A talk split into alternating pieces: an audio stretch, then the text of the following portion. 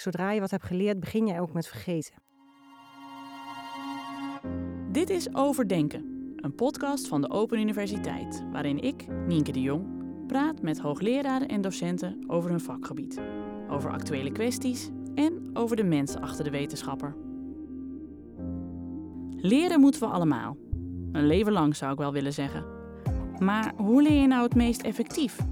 Hoe zorg je ervoor dat je alle informatie die je registreert ook daadwerkelijk onthoudt? En is ons toetsingssysteem, met een toetsweek aan het einde van het blok, niet vreselijk achterhaald? Of moeten we eigenlijk naar een heel andere manier van onderwijs en een andere manier van toetsing toe?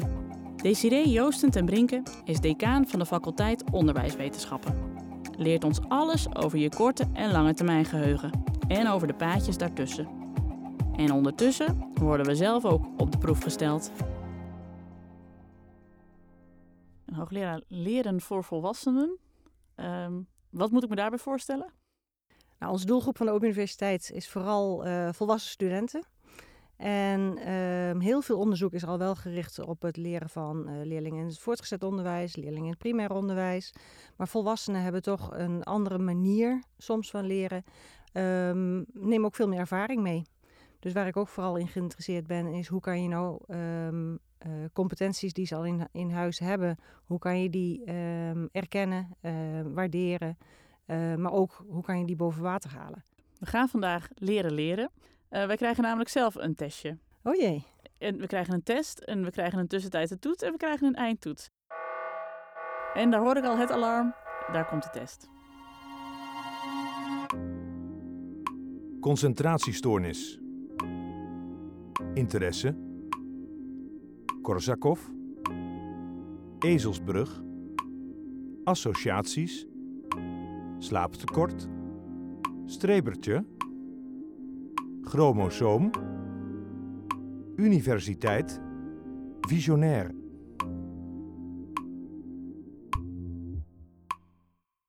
Zo, dat waren tien uh, best wel snel opgelepelde woorden. Uh, Zeker. Ik merkte bij mezelf dat ik, eh, dat ik bijna niet de rust kreeg om even te onthouden wat er nou eigenlijk gezegd werd. Dat klopt. Um, is dat al het probleem één, dat hier te weinig rust in zat? Uh, nou, met leren, wat je met leren wil, is dat het opgeslagen wordt in je lange termijn geheugen. Dan eigenlijk als er iets verandert in je lange termijn geheugen, dan ga je leren.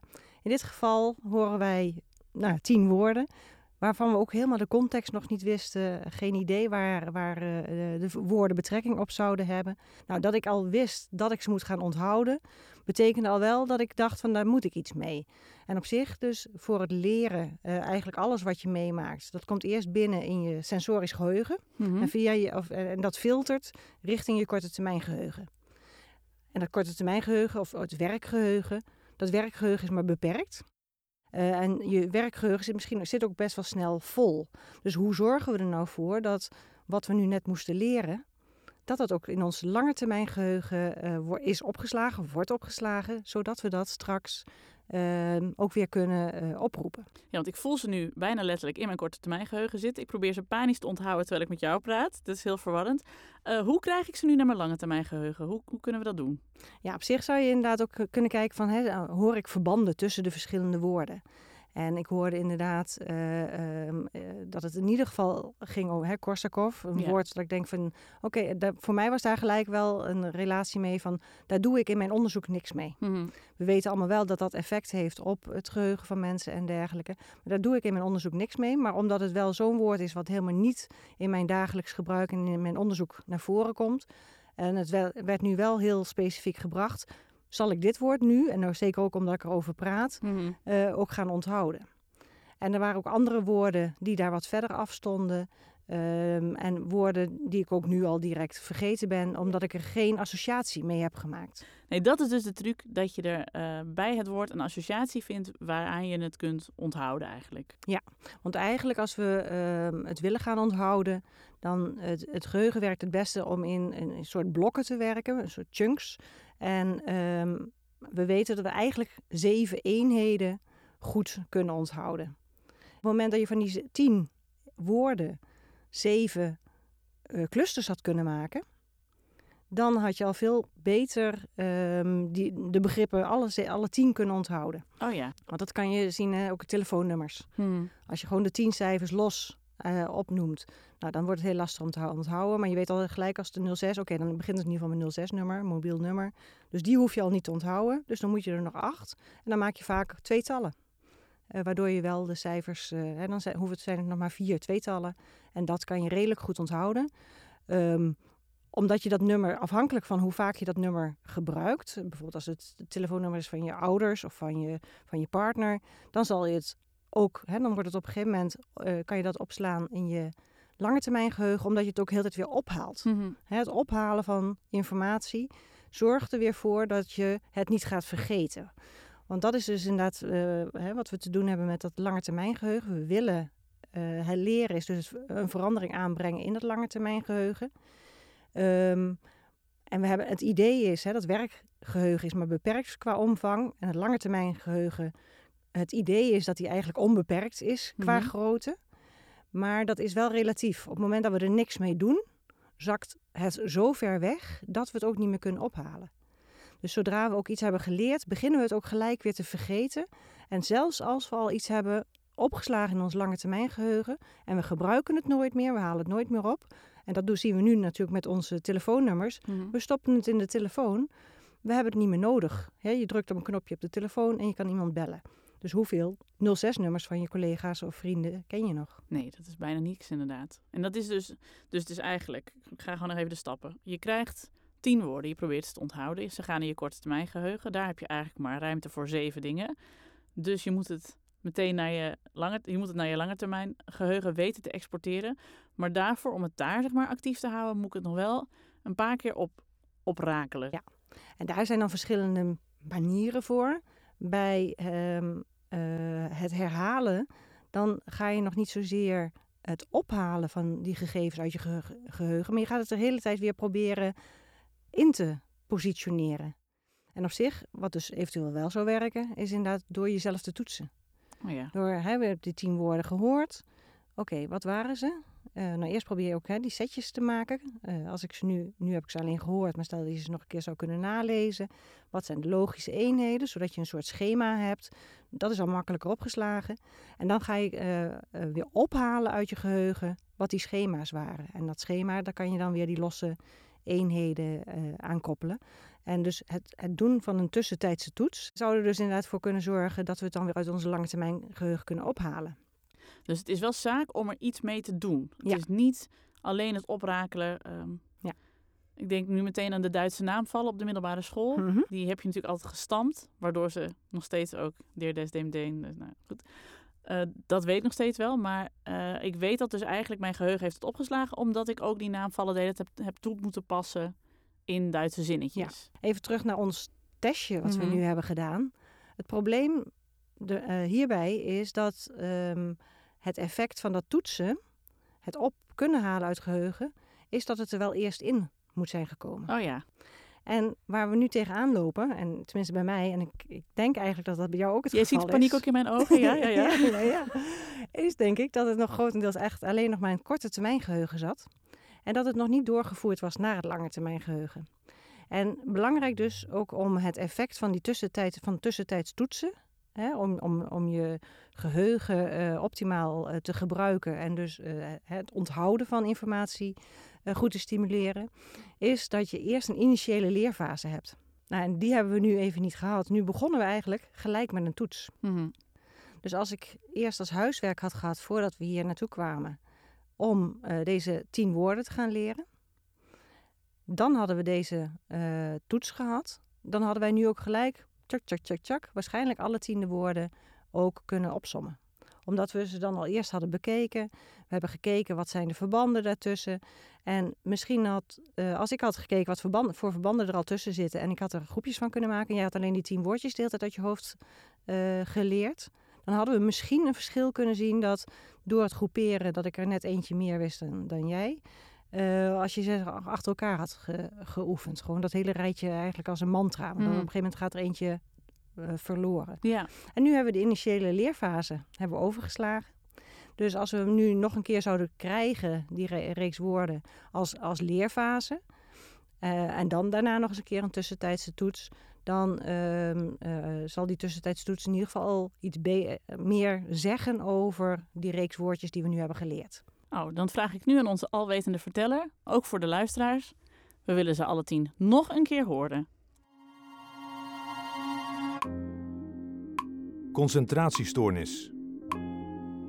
Interesse. Korsakov. Ezelsbrug. Associaties. Slaaptekort. Strebertje. Chromosoom. Universiteit. Visionair.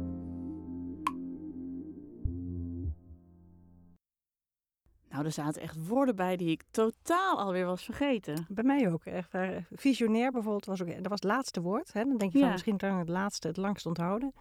Was bij mij helemaal weg. Maar die zat dus nog bij mij nog voor in mijn hoofd. Maar universiteit, wat daar recht voor kwam, wat toch een vrij makkelijk woord is om te onthouden, want waar gaat het nou de hele Ja, en tijd die over? had ik juist wel, omdat ik daar wel gelijk de associatie mee had gemaakt van oké, waar, eh, waar werk ik? Ja, Omdat ik eh, de eerste woorden, eh, ja, nu weet ik er inderdaad al wel op dit moment meer dan net na de eerste opsomming.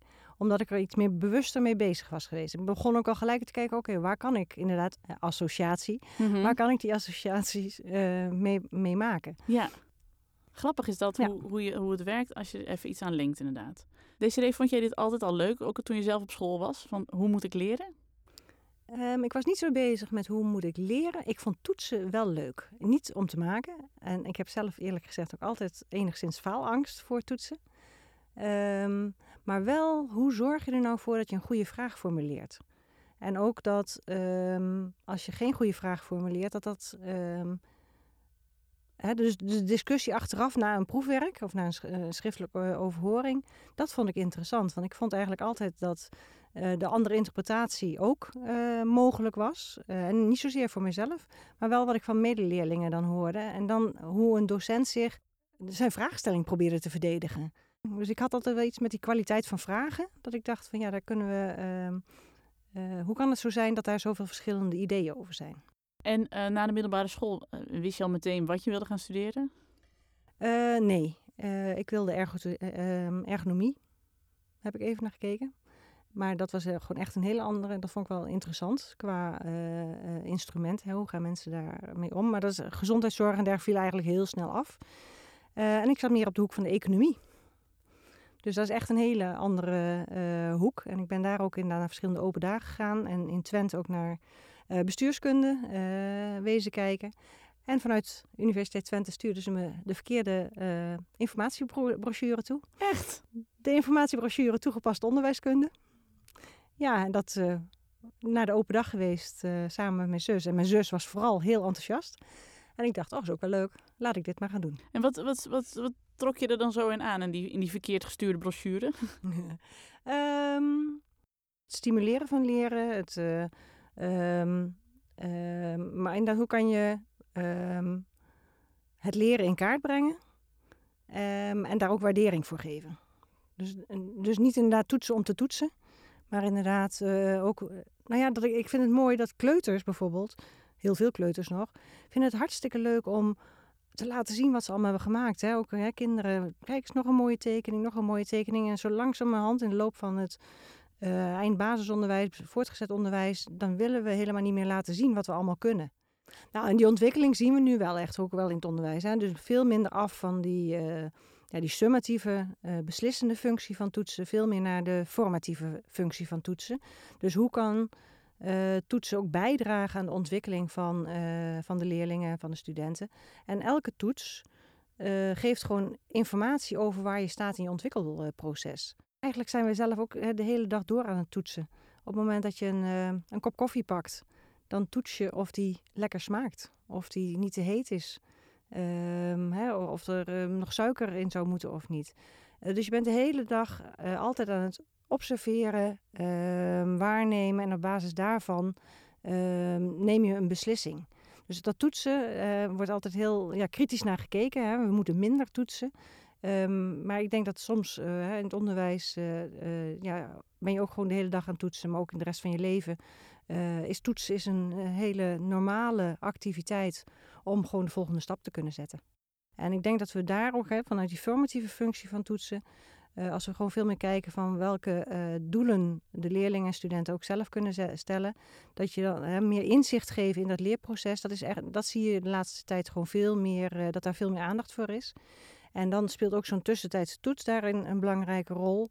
Omdat als je die beschikbaar stelt, de mogelijkheid ook om die tussentijdse toetsen af te nemen op het moment dat jij denkt, nu ben ik er klaar voor, of ik wil nu even weten waar ik sta in mijn leerproces, dan kan je zo'n toets afleggen om vast te stellen, uh, kan ik nou een deel van de stof overslaan? Of uh, moet ik nou weer een, hè, moet ik misschien even een stap terug en wel weer het herhalen? Ik hoor ineens het alarm dat wij onze eigen tussentijdse toets krijgen. Oh jee. Oké, okay, samen. Wil jij met het eerste woord beginnen? Welk woord weet jij nog? Uh, streperig. Streperig, ja. Uh, slaaptekort. Concentratieproblemen. Korsakoff. Universiteit.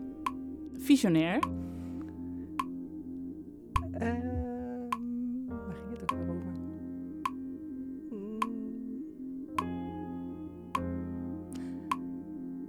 Chromosoom. Uh, associatie. We misten er nog twee, denk ik, hè? Mm -hmm. En die zaten aan het begin. Eentje als eerste.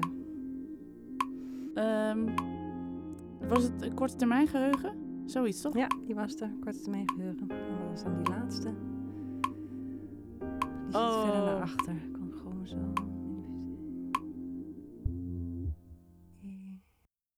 Verlos ons. Wat was de laatste? Concentratiestoornis.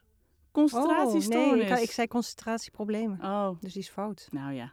Ezelsbrug. Ezelsbrug. Hadden we die nog niet gezegd nee, dan? nee, heb ik Nee. niet gezegd. Oh, maar ik had hem juist. Ik had die als associatie. Want ik dacht, want ik kwam, na, ik kwam voor associatie. En dacht ik, oh ja, een ezelsbrug is een associatie. Zo kan ik het onthouden. Ja.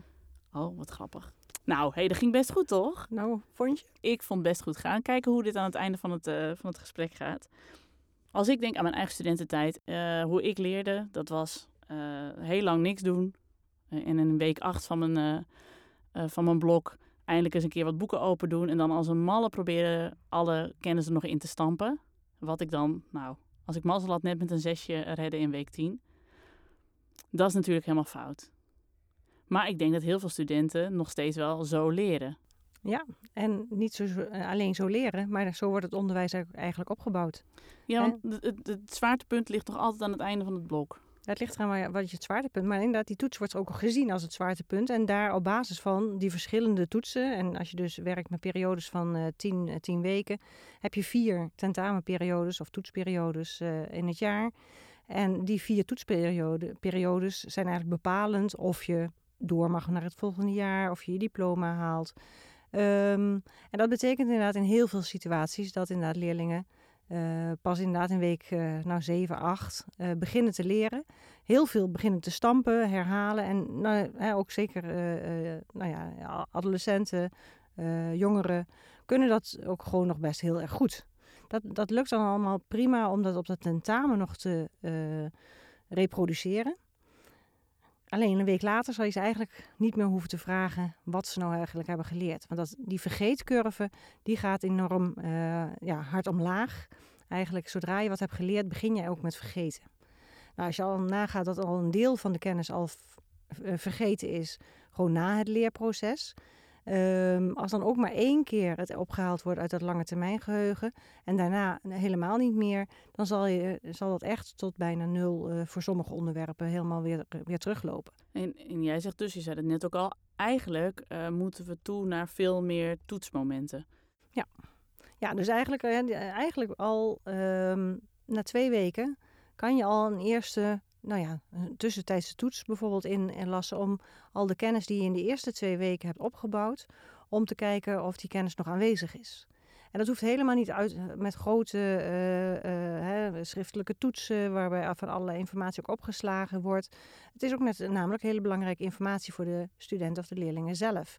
Dat ze gelijk na die toets bijvoorbeeld ook feedback krijgen wat ze wel wisten, welke onderwerpen ze nog niet wisten. En dat je dan ook de, eh, met de studenten actief aan de slag gaat. Dat ze eh, de stof die ze nog niet goed hebben eh, opgeslagen, dat ze daar nog weer een opdracht mee maken. Of dat ze dat met een medestudent of medeleerling de kennis daarover nog eens uitwisselen. Deze nieuwe leermethode eigenlijk met veel meer tussentijdse toetsen, dat vergt nogal ook wat van de docent. Want uh, die moet zijn studenten veel meer in, in de gaten gaan houden. Um, ja, maar ook de uh, studenten activeren en zelf. Uh, de student is ook zelf, moet ook zelf leren dat hij verantwoordelijk is voor zijn eigen leerproces. Um, en dat betekent dus wel dat, gewoon dat een docent het onderwijs moet ontwerpen. Um, maar in dat ontwerp zou die eigenlijk al die uh, formatieve uh, aspecten ook al gewoon bewust over moeten nadenken. He, wat is het juiste moment voor het inzetten van zo'n tussentijdse toets? Wat is het juiste moment voor de samenwerkingsopdrachten? En vaak worden wel allerlei werkvormen ingezet, maar die zijn nog uh, niet altijd helemaal gerelateerd ook aan het einddoel. En het is dus heel belangrijk om in je ontwerp van het onderwijs dus ook achteruit te redeneren. Welke beslissing wil ik nemen? En op welke informatiebronnen, op welke manier kan ik dus gedurende een langere periode informatie verzamelen ten behoeve van die beslissing die aan het eind genomen wordt. Ik hoor het alarm. Volgens mij krijgen wij onze, onze laatste toets. Gaan wij weer gezamenlijk uh, de tien woorden opnoemen. Mag jij nu beginnen? Oké, okay, ga ik nu beginnen. Ezelsbrug. Associatie. Strebertje. Concentratiestoornis. Slaaptekort. Universiteit. Visionair. Er was er eentje die je sowieso ging vergeten. Chromosoom. Uh, interesse. Nou, wat hadden we nou nog meer? Gewoon de allereerste. Korsakov.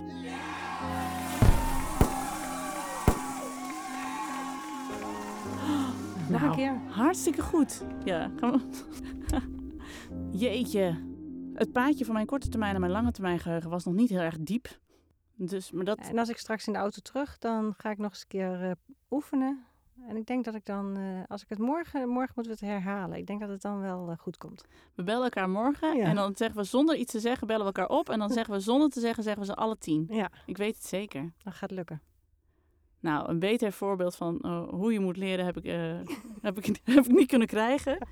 Uh, ik denk dat ik mijn hele studententijd nog maar een keer over moet doen, want ik weet nu hoe het moet. Dankjewel, Desiree. Graag gedaan. Dit was Overdenken. Hopelijk heb je er iets van opgestoken. Bedankt voor het luisteren en graag tot de volgende.